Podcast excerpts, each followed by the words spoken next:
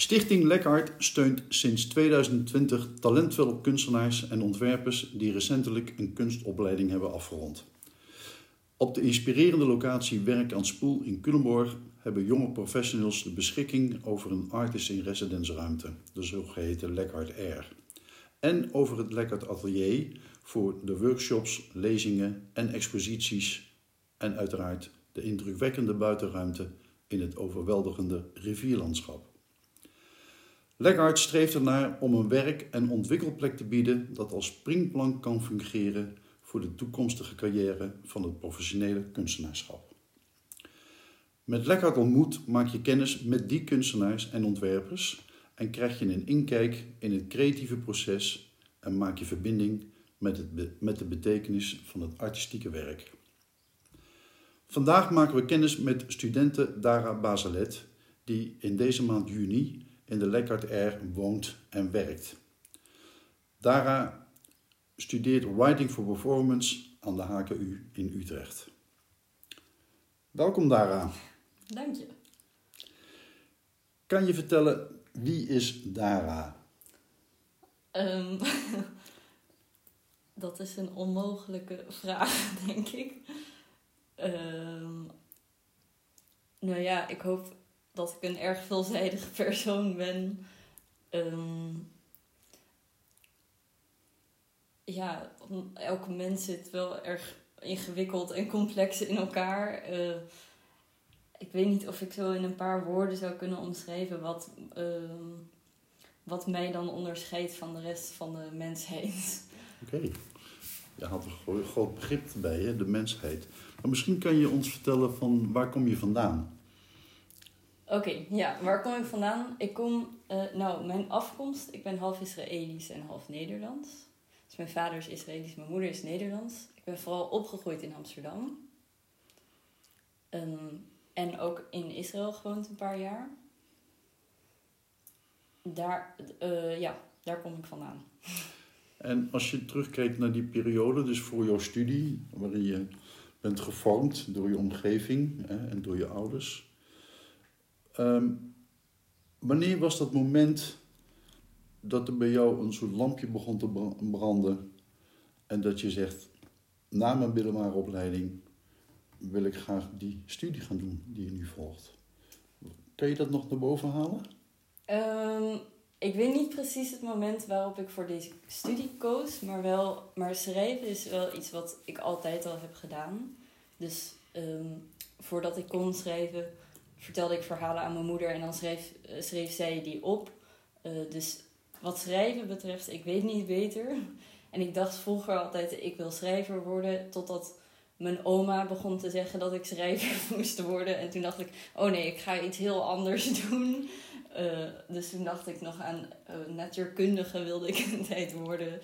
Ik denk dat dat een ramp was geweest. Um, of nou, allerlei verschillende dingen die ik had, had willen doen of zijn. Maar uiteindelijk heb ik een tussenjaar genomen na mijn middelbare school. Um, ik was ook veel bezig met theater. En ik geloof dat iemand me op een gegeven moment vertelde dat deze opleiding bestond. En ik dacht eerst, uh, een opleiding voor schrijven, dat kan toch helemaal niet. Iemand kan je toch niet vertellen wat de regels zijn of zo en dat je die opvolgt. En daar klopt helemaal niks van. uh, zo werkt het niet.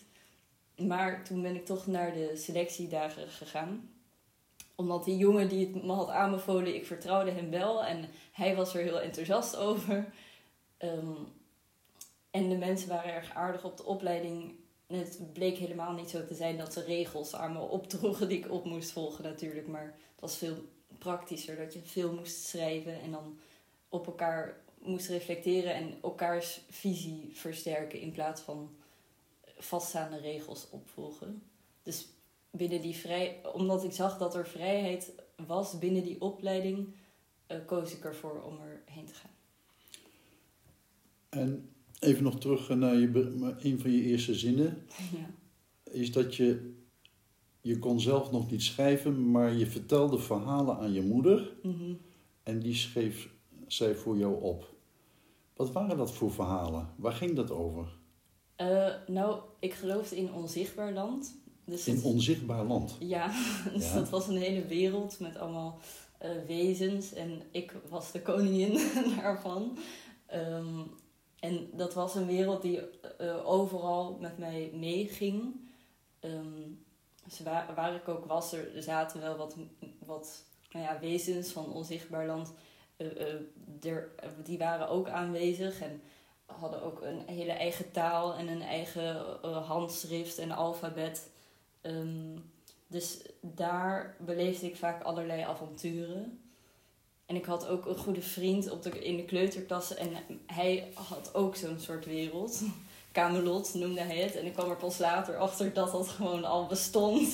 Dat hij het niet had verzonnen. En ik voelde me enorm verraden toen ik erachter kwam. Maar toen, uh, toen verhuisden wij naar Israël toen ik vijf was. Um, en het begon denk ik met het contact houden uh, met die beste vriend. Dat ik dan vertelde aan mijn moeder wat er allemaal in onzichtbaar land was gebeurd. Zodat zij dat kon mailen aan die beste vriend. En zo waren dan mijn moeder en zijn moeder correspondeerden om, uh, ja, om elkaar op de hoogte te houden. Bijzonder. En kan je misschien ons helpen, hoe ontstaat dan ineens bij jou? Of hoe komt dat dan in je op uh, dat je die wezens ziet en uh, dat het gaat over het onzichtbare land? Um, ja. Ik is, denk... Zit dat in je dromen? Of is dat gewoon je gaat zitten en het komt in je op? Nee, ik denk dat dat een. Um, dat ik, nou ja, misschien hele rijke fantasie had en dat dat samen ik had geen onderscheid tussen dan wat dan realiteit en wat die fantasie was. Dus voor mij was dat één en hetzelfde. Ehm, en pas toen ik merkte dat mensen dat raar begonnen te vinden, toen heb ik op een gegeven moment besloten dat ik er niet meer in, dat ik te oud was om erin te geloven. Dus toen ben ik ook gestopt daarin te geloven. Maar het was, ehm, daarvoor was het gewoon ook mijn realiteit. En ik weet niet precies waar dat vandaan kwam of Ehm, ja, want eh, ik denk dat het. Je zou ofwel een hele psychologische verklaring kunnen geven van, oh, eh, misschien kon ik niet met de werkelijkheid omgaan en was het een soort, moest ik daarin vluchten of, uh, of niet met de mensen om me heen en moest ik daarom een soort fantasiebusiness hebben. Maar het zou ook een magische verklaring kunnen hebben, die ik wel mooier vind, denk ik. Dat het er misschien ook echt is en dat Ehm, dat misschien bepaalde kinderen of misschien ook wel bepaalde volwassenen daar open voor staan om dat te kunnen zien of in, in een andere realiteit te, te raken of daarmee in aanraking te zijn. Mhm. En is het dan ook zo dat als de werkelijkheid iets te veel werkelijkheid was, wat jou mogelijk benauwde, ging je dan naar die andere onzichtbare wereld, het onzichtbare land, om je even los te maken van wat er dagelijks om je heen gebeurde? Ehm, ja, misschien wel, of wel toen we in Israël woonden, omdat ik toen, ik was heel erg verlegen. En in Israël zijn mensen over het algemeen niet zo verlegen. Uh, en het was een enorm cultuurverschil van een klas met brave Nederlandse kinderen naar, uh, naar hele geopineerde, mondige kinderen uh, in een hele grote klas. En um, dus ik denk vaak als ik geen zin had om met mensen te zijn, dat was het eigenlijk vooral. Dan soms dan zei ik, oh nee, maar ik, ik moet vandaag naar onzichtbaar land of zo. Ik moet even naar de koningin. ja, en dan, um, of ik weet nog een keer dat ik dan tegen een vriendin zei, oh nee, ik kan vanmiddag niet spelen, want ik moet uh, ik moet dingen doen in onzichtbaar land. En dat ze toen alsnog aankwam bellen die middag. En ik was zo beledigd. Maar dus ja, misschien was het ook als, ik, als het me te veel werd. Maar het is ook moeilijk om te zeggen nu, omdat het lang geleden is. En ik dus niet meer zo elk moment kan herinneren waarop dat gebeurde misschien. Kan je ons meenemen in de studie? Je hebt er net al iets over gezegd. Hè, dat je uiteindelijk bent terechtgekomen via, via bij theater en je bent gaan schrijven en dat voor jou het voelde als thuiskomen omdat je merkte dat je, dat je daar je vrijheid kon krijgen. Ehm, waarvoor heb je die studie nodig? Ehm, ik denk voor die vrijheid. Om een paar jaar te hebben waarin je. Uh, of natuurlijk krijg je opdrachten en moet je aan deadlines voldoen ook. En het is niet alsof je de hele tijd. Uh, alsof mensen zeggen: Oh, doe maar waar je zin in hebt. Um, maar het gegeven dat je een paar jaar hebt waarin je alleen maar daarop kunt focussen en kunt falen. Uh, dat is heel erg nuttig. Want daar door zoveel te moeten schrijven en in een klas dan gelijk een heel lezerspubliek te hebben wat je vertelt, wat eraan werkt en wat er niet. En je hebt gelijk een lezerservaring bij alles wat je schrijft. En dat is heel uniek. Dat is niet. Ik denk dat ik dat na deze opleiding ook best wel ga missen. Of ik kan natuurlijk nog steeds wel naar mensen iets opsturen, maar ehm, dat zo bij alles wat je schrijft, weet je, het wordt door een groep gelezen. En ik ga erop vooruit, want ik weet hoe het aankomt. En dan kan ik het weer aanpassen zoals, uh, zoals beter overeenkomt met wat ik wil bereiken. Dat is op misschien ambachtelijk niveau is dat heel erg handig. Ehm, en heel fijn dat dat, dat dat kan. En zijn het dan eh, technieken die je onder andere leert? niet heel veel technieken. Of ja, we leren wel een beetje dramaturgie, maar eigenlijk niet zo heel veel. Ehm, maar het is meer. Ja, het is meer misschien als je op een moment zelf een tekst met elkaar leest, dan hoor je gelijk hoe iets overkomt. Uh, waardoor je vanzelf misschien bepaalde technieken aanleert of begrijpt: oh, als ik dit doe, dan komt dat zo over. Of ehm, eh, ja, als ik een monoloog schrijf en die in drie splits, dan uh, had het eigenlijk net zo goed gewoon die monoloog kunnen, of een beter een gedicht kunnen zijn of zo. Uh, ja, dus het is, het is niet per se dat je echt een techniek aangeleerd krijgt, maar je wordt wel technisch vaardig doordat je steeds meer hoort, steeds vaker hoort over steeds meer verschillende dingen en ook van je klasgenoten, hoe, hoe het overkomt eigenlijk. Ja, ja. ja je hebt elkaars reflecties nodig om uh, en het voor jezelf te leren, maar ook te zien hoe anderen dat doen. Mm. En wat houdt jou steeds overeind in dat hele spel van. Ehm, het komt in je op, dat verhaal. En het is helemaal nog van jou. Hoe borg je dan voor jezelf dat dat wordt wat je ook in je hebt en ook als impact wil hebben dat het over de bühne komt. Dat het ook op die manier wordt gelezen. Wat, wat, wat heb je daarvoor nodig? Uh, ja, dat is een moeilijke vraag, want het is echt een veelheid aan heel veel verschillende elementen. Dat snap ik, hè? Maar we kijken dus nu even in de keuken van jou, hè? Ja. En, en, en, en de luisteraar is, is, is nieuwsgierig. Ja. Hè? Uh, vaak hoor je ook mensen, oh, ik wou dat ik ook goed kon schrijven. Ja.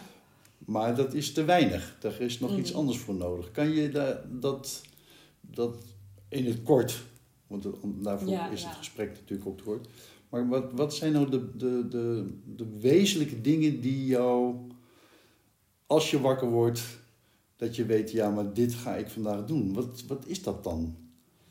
Um, nou, nou ja, het gevoel dat ik het moet doen, dat ik het ga doen, um, dat, dat is iets waar ik waar ik misschien weinig controle over heb. Dat, want dat is er altijd. Dat stroomt. Ja, dat stroomt. En ik, als ik een tijd lang niet kan schrijven, dan word ik echt ongelukkig. ik, ik ben afhankelijk van schrijven. Echt, ik kan niet. Ik, het moet er gewoon. Ik moet mezelf uiten en praten of op een andere manier is niet. Uh, niet voldoenend genoeg of zo. En hoe, hoe, hoe vang je dat steeds? Hè? Want, want, er zijn momenten dat je niet kan schrijven, maar ja je wil het ook niet kwijtraken. Dus, dus hoe, hoe hou je dat bij? Heb je een notitieblok? Heb je een, heb je een soort dagboek? Heb je, Ja, nou ja, ja. eh, Ik heb memo's. dus- hier heb ik een hele krat vol, ligt een hele mand met allemaal notitieboekjes opgestapeld. Dus ik heb heel veel notitieboekjes. Dus elke keer dat ik een idee heb, ik schrijf het gelijk op. Ehm, eh, ik zag ook een keer een filmpje van David Lynch die zegt: je schrijf altijd je ideeën op. En eh, dat hij twee keer ideeën had die hij niet heeft opgeschreven. En dat hij daar nog steeds spijt van heeft. Omdat hij weet dat het zulke goede ideeën waren. En eh, ik hoorde dat en ik dacht, ja, hij heeft helemaal gelijk. Ik moet eh, dit blijven doen en nooit vergeten. Ehm, dus dat is iets, maar ja, er zijn heel, ja, veel verschillen. Dus wandelen helpt mij heel erg. Soms vertel ik even aan mezelf bijvoorbeeld waar het verhaal over gaat. Zo al wandelend. Eh, en dan hoop ik dat ik niemand tegenkom. Ehm, of eh, ja, van omgeving veranderen. Dus ook hier zijn helpt dan heel erg. Ehm, muziek luisteren. Als ik even niet meer weet hoe ik verder moet. Eh, films kijken. Ehm, misschien even dansen. En ik heb hier eh, best wel een bepaalde routine gehad van 's ochtends en 's avonds schrijven. En 's middags deed ik helemaal niks. of er kwam bezoek. Dat is ook belangrijk, denk ik. Mensen blijven zien en wel leven en weten dat je in de wereld staat. Want waar ga je anders over schrijven als je niet ook met mensen bent en ook leeft?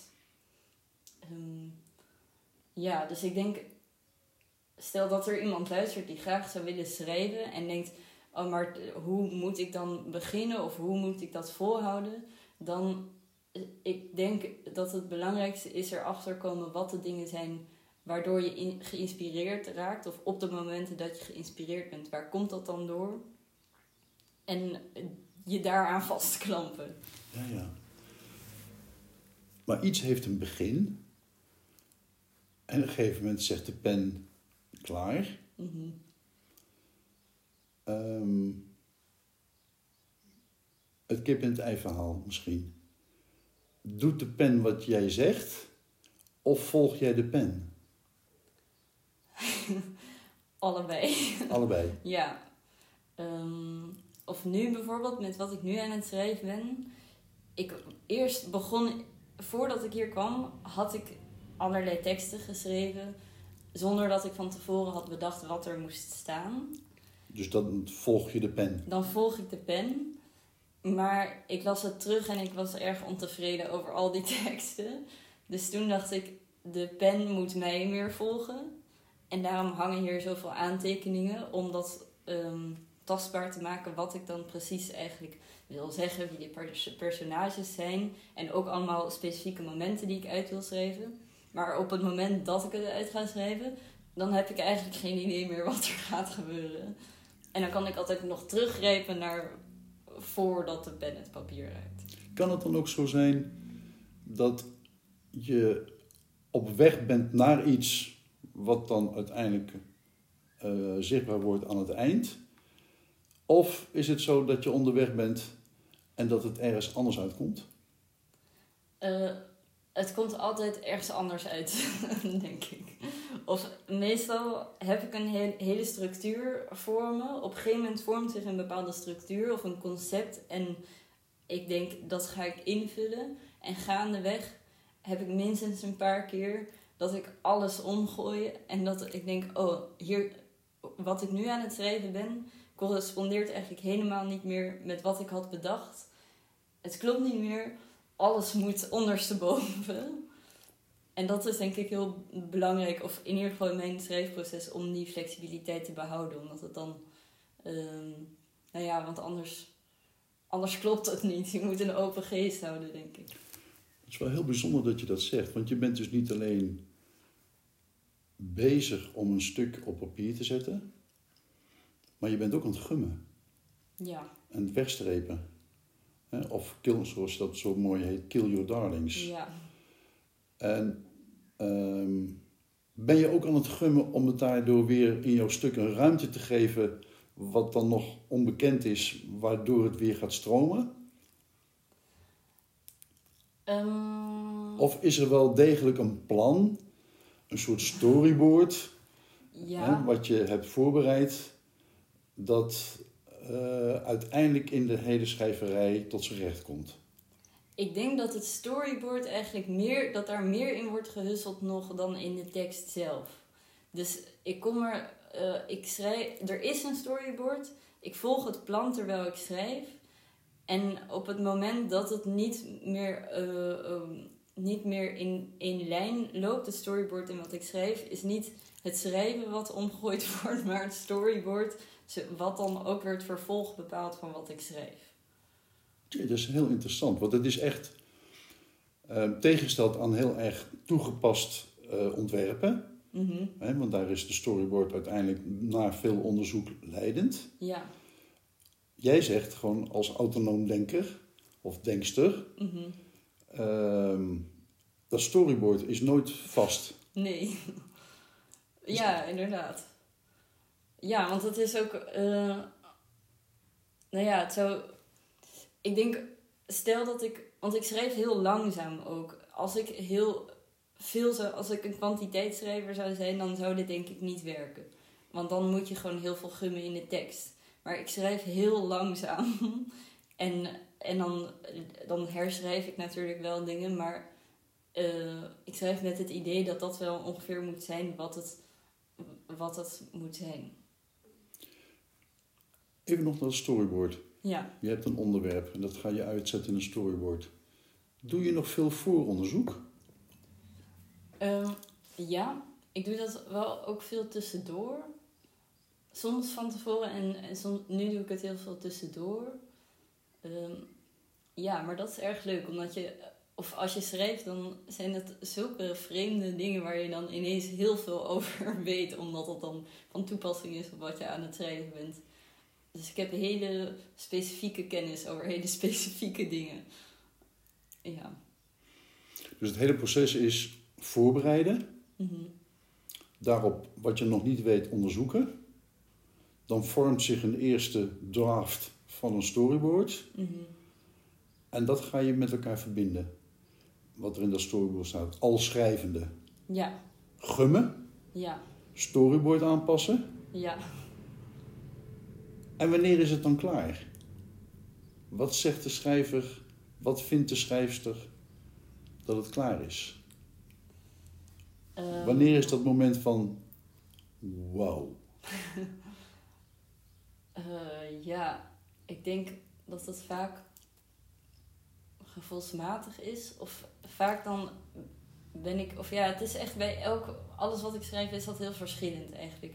Soms schrijf ik iets en is het aan het einde heel gevoelsmatig... Oh, het is klaar. Ehm, Je kan het opdienen. Ik kan het opdienen, ja.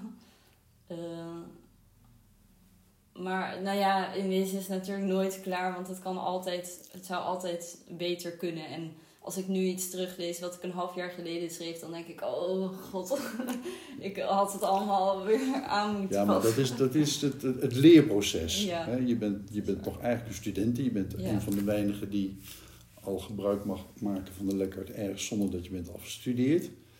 Het komt gewoon helemaal door jouw motivatie en dat je toen je hier was zag, ja, maar hier kan ik echt deze maand goed gebruiken. Ja. Ehm, maar ik denk dat elk werk wat je maakt is in feite nooit klaar. Nee. Zeker voor een kunstenaar niet.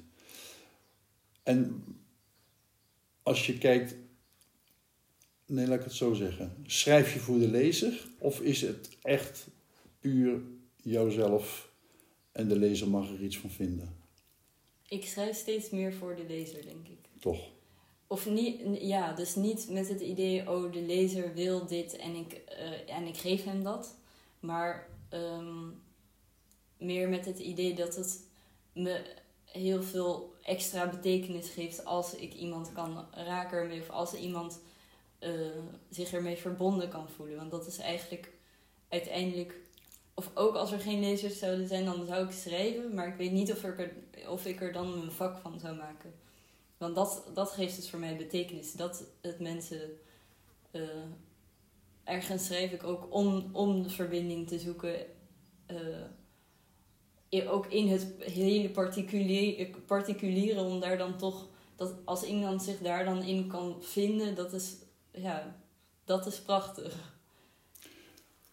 Dus het onzichtbare land, Ja, dat was echt helemaal nog van jouzelf. ja.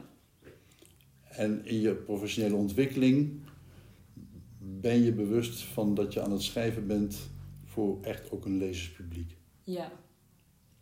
Ja, klopt. Ik denk misschien ook wel, eh, ja, het idee van een lezerspubliek, eh, het maakt me ook minder eenzaam. Of ja, ik denk zonder dat lezerspubliek dat ik me dan altijd een beetje eenzaam had gevoeld. En nu niet, want ook in dat onzichtbaar land, toen geloofde ik daar ook zo erg in dat eh, ik was, misschien had het daar wel mee te maken. Dat ik was niet alleen, want ik had al die wezens bij me.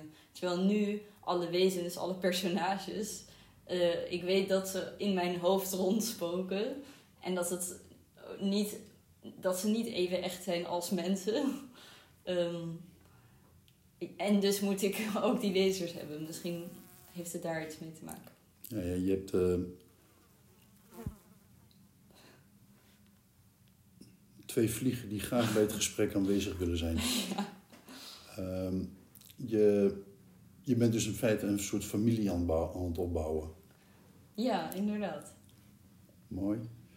Ehm, je hebt hier nu een maand bij, in deze residentie kunnen verblijven en kunnen werken. Ehm, kan je voor jezelf of ons meenemen waarom dit, wat jij er belangrijk aan vond of vindt dat je hier hebt kunnen zitten? Ehm, ja, het is heel mooi om zo geconcentreerd met één ding bezig te kunnen zijn.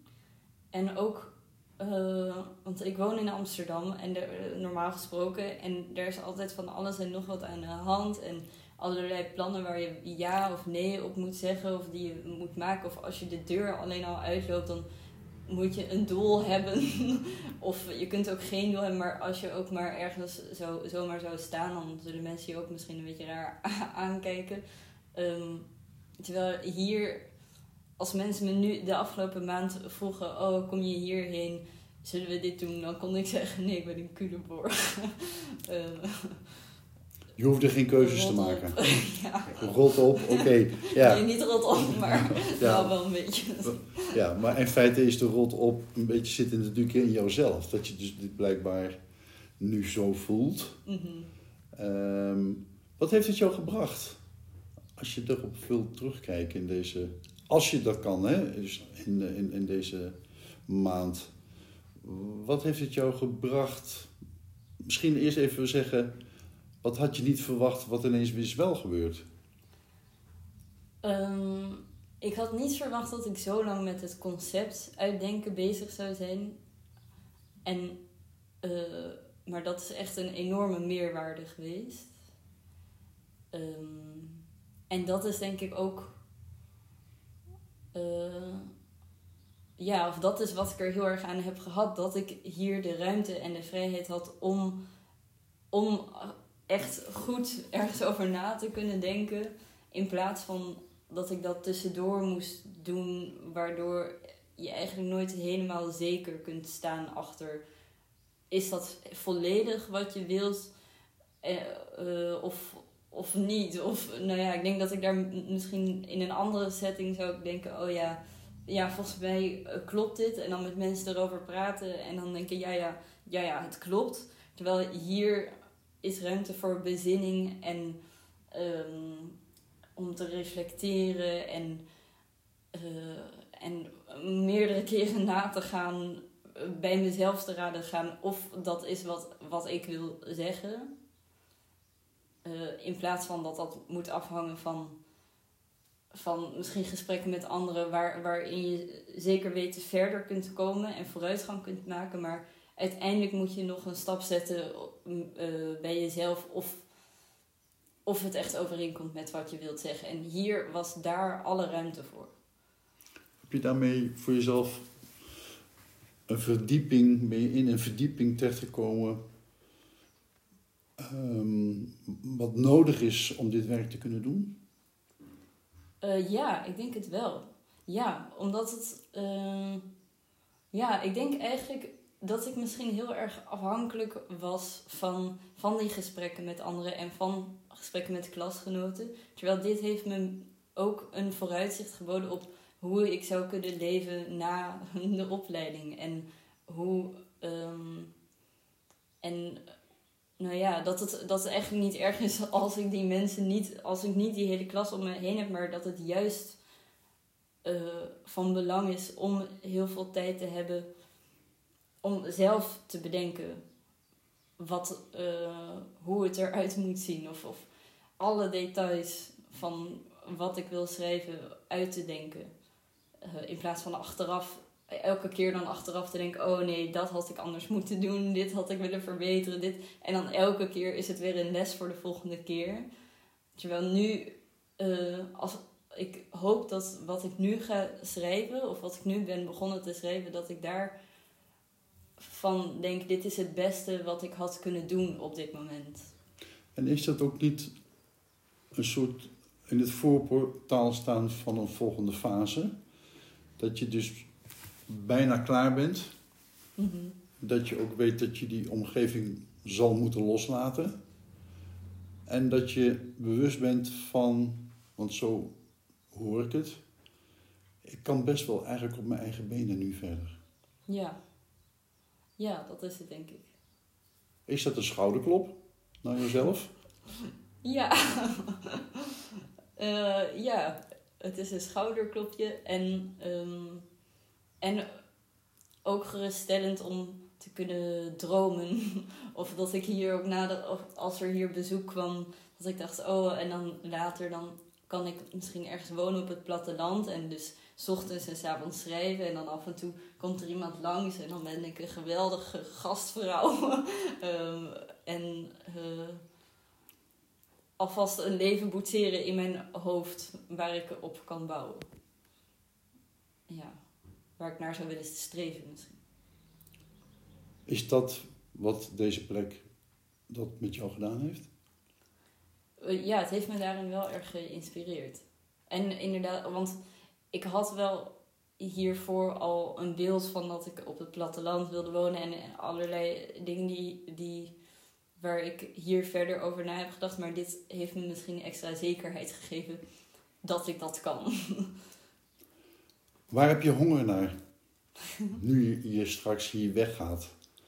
Wat, wat, wat kan je ons, waar kun je ons meenemen? Van wat kunnen we van je verwachten? Waar heb je zin in? Ik heb zin om nog heel veel meer te schrijven. Eh, want ik ben hier begonnen aan een boek. En ehm, dus hopelijk valt er te verwachten dat dat boek dat gaat afkomen. En dat dat... Nou, daar ga ik heel veel nog aan werken. Mhm. En dat kan nu omdat ik de wortels hier heb gemaakt. Ja, ja. Er zit een stukje reflectie in, hè, wat we nu bespreken. Ehm, wat wil je nog meer zeggen wat ik, waar ik niet om gevraagd heb? Althans, ehm, wat zijn nog antwoorden van jou die ik eh, als vraag niet gesteld heb? Wat, wat, wat voor inzichten geef jij mee voor toekomstige artists in residenties? Mensen, kunstenaars. Eh, ja, ik denk vooral dat het niet geeft als je helemaal niks aan het doen bent. Oké. Ehm, of, dat dat, of tenminste, ik heb dat ook soms erg nodig, maar dan voel ik me erg schuldig over dat ik niks aan het doen ben. Want het is zo'n luxe om hier ook te mogen zitten en eh, ik wil toch ook allemaal dingen maken. En, maar die eh, rust of dat niks doen, dat hoort erbij. Dat zou ik mensen, een, een toekomstige. Niks, niks doen moet. Niks doen moet. Ja, niks doen moet. Oké. Ehm, het geeft ook niet als je niet alles van de omgeving hebt gezien. Ik dacht in het begin, oh, ik moet naar de bierbrouwerij, ik moet naar de... Nou, er zijn hier heel veel dingen eigenlijk in de buurt. Het is ontzettend rijk, eh, zo'n rijke omgeving. Zowel de, het landschap, de natuur, als, als alles wat je kunt bezoeken. En Culemborg, het stadje, het is overweldigend hoeveel je hier eigenlijk hebt. Ehm, dus neem je niet voor om alles te doen, wel een paar dingen. Ehm, en Eh, ja, even denken. En er was bijvoorbeeld een rondleiding, die is één keer per maand. Die heb ik gevolgd. Dat was heel, dat vond ik echt geweldig. Over de waterlinie. Ja, over de waterlinie. Ehm, ook omdat ik moest heel erg denken toen ik hier kwam aan een boekje van uh, Marjoleine de Vos. Ehm, over wandelen. En dat zij zegt, eh, zij betoogt in dat boekje dat een landschap eigenlijk nooit, dat Nederland helemaal niet vlak is. Of dat mensen zeggen, oh Nederland is zo plat en zo vlak en wat, sa wat saai. Uh, en zij zegt, je kijkt dan niet goed uit je doppen als je dat denkt. Want er is heel veel te zien, maar je moet gewoon beter kijken en, en kennis hebben van, van wat, uh, waarom het landschap gaat zoals het gaat. Daarom heb ik ook die rondleiding gevolgd. Want ik dacht, oh, dan weet ik in ieder geval iets meer. En dan kan ik beter alle verschillen en al het relief zien en de geschiedenis van waar ik zit. Dus dat raad ik wel aan om te doen. Om zo'n rondleiding uh, mee te maken. Ja, en heel erg veel te wandelen. Ja. ja. Um, wat, neem je, wat laat je achter nu je gaat vertrekken hier? Wat, wat gooi je in de prullenbak? Je gaat straks weer in die stadsomgeving en naar de academie. Wat wil je het liefste kwijt wat je niet meer wil gaan doen? Um, vraag. En wat, wat neem je het liefste mee van, van hier naar de komende maanden, komende jaar? Um, Eerst het eerste. Eerst het eerste, oké. Wat ik het liefste in de prullenbak gooi. Uh,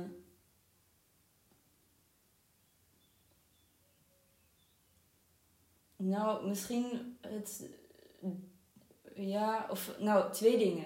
Allereerst um, bezig zijn met hoe mensen naar me kijken, maar in een hele fysiek, op een fysieke manier. Als in, want hier lopen vaak de buren langs.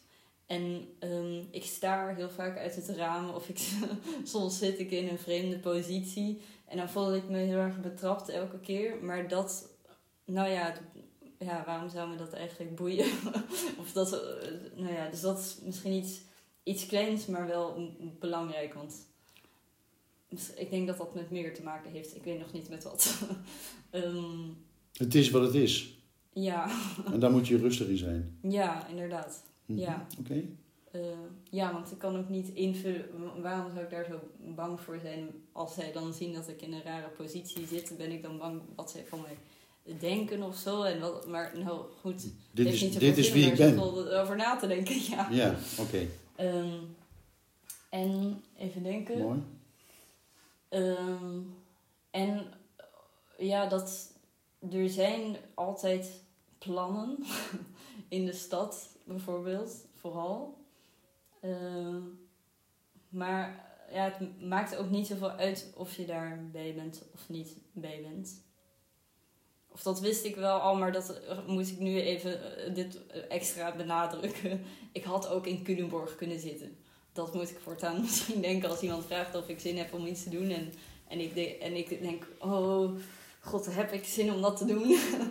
um, denken, oh, ik had ook in Culemborg kunnen zitten en dan waren die plannen heel ver weg en dan had het ook niet uitgemaakt dat ik er niet bij was.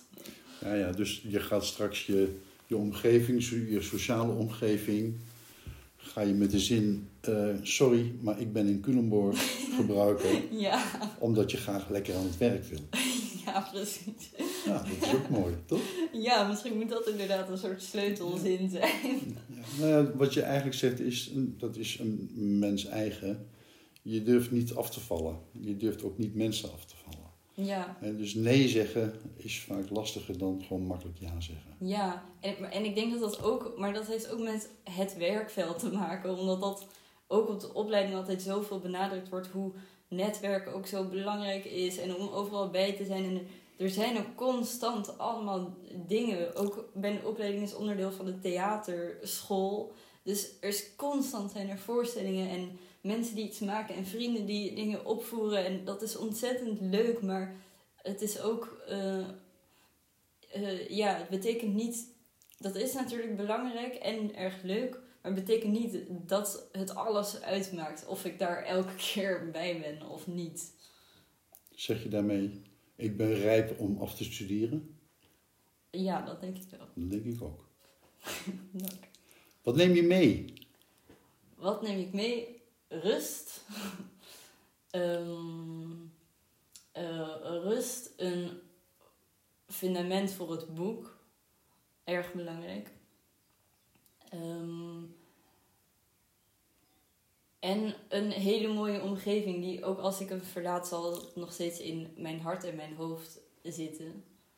Dus stel, nou ja, stel dat ik genoeg krijg van de stad, dan hoef ik eigenlijk alleen maar mijn ogen te sluiten.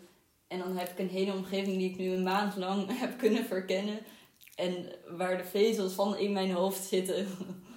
Eh, dus mijn ogen sluiten zal dan genoeg zijn om die ru- rust weer te vinden. Mooi. Laatste vraag. Wat geef jij ons graag mee? Oh, ehm, eh, ons als in, de, eh, als in lekarts. Ehm, wat geef ik jullie graag mee? Het kan een tip zijn. Het kan een cadeautje zijn. Oh, oh ja, ik wil even denken. Ehm, nou, ik denk dat ik sowieso een boek achterlaat of een boek zal opsturen. Ik ben er nog niet over uit welke. Of nee, ik weet wel welke, maar de- die heb ik geleend van een vriend. Dus ik moet er dan eentje, dan zal ik er eentje bezetten. Ja, ik. Een boek zal ik achterlaten. Ehm, misschien die van Marjoleine de Vos. Je keek te ver, heet die. Of Bomen van A. Alberts. Mooi. Ja. En nou, heel veel dankbaarheid. Want ik ben echt heel erg dankbaar dat ik hier heb mogen zitten. En in al, in al die luxe na jarenlang alleen maar in studentenhuizen en reizen en barre omstandigheden en vieze keukens. Het is echt het, het huis alleen al en de, en de omgeving. Het is, nou, ik ben echt oneindig dankbaar. Ik kan alleen maar zeggen dat wij het heel fijn vonden om jou hier deze maand te hebben. Ehm, en dat we je misschien daardoor ook wat meer met rust hebben gelaten dan dat we dat... Dat heeft te maken met onze drukke agenda. Ehm, en nogmaals, jij hebt de stap ondernomen om met ons contact op te nemen. Mhm. En dat vinden we altijd de mooiste vraag. En je kwam ook met een vraag. En volgens mij heb je daar zeg maar, heel veel nu al antwoorden op kunnen vinden en kunnen krijgen. Ik dank je voor dit hele mooie gesprek. En ehm, Iets we kijken uit naar je boek.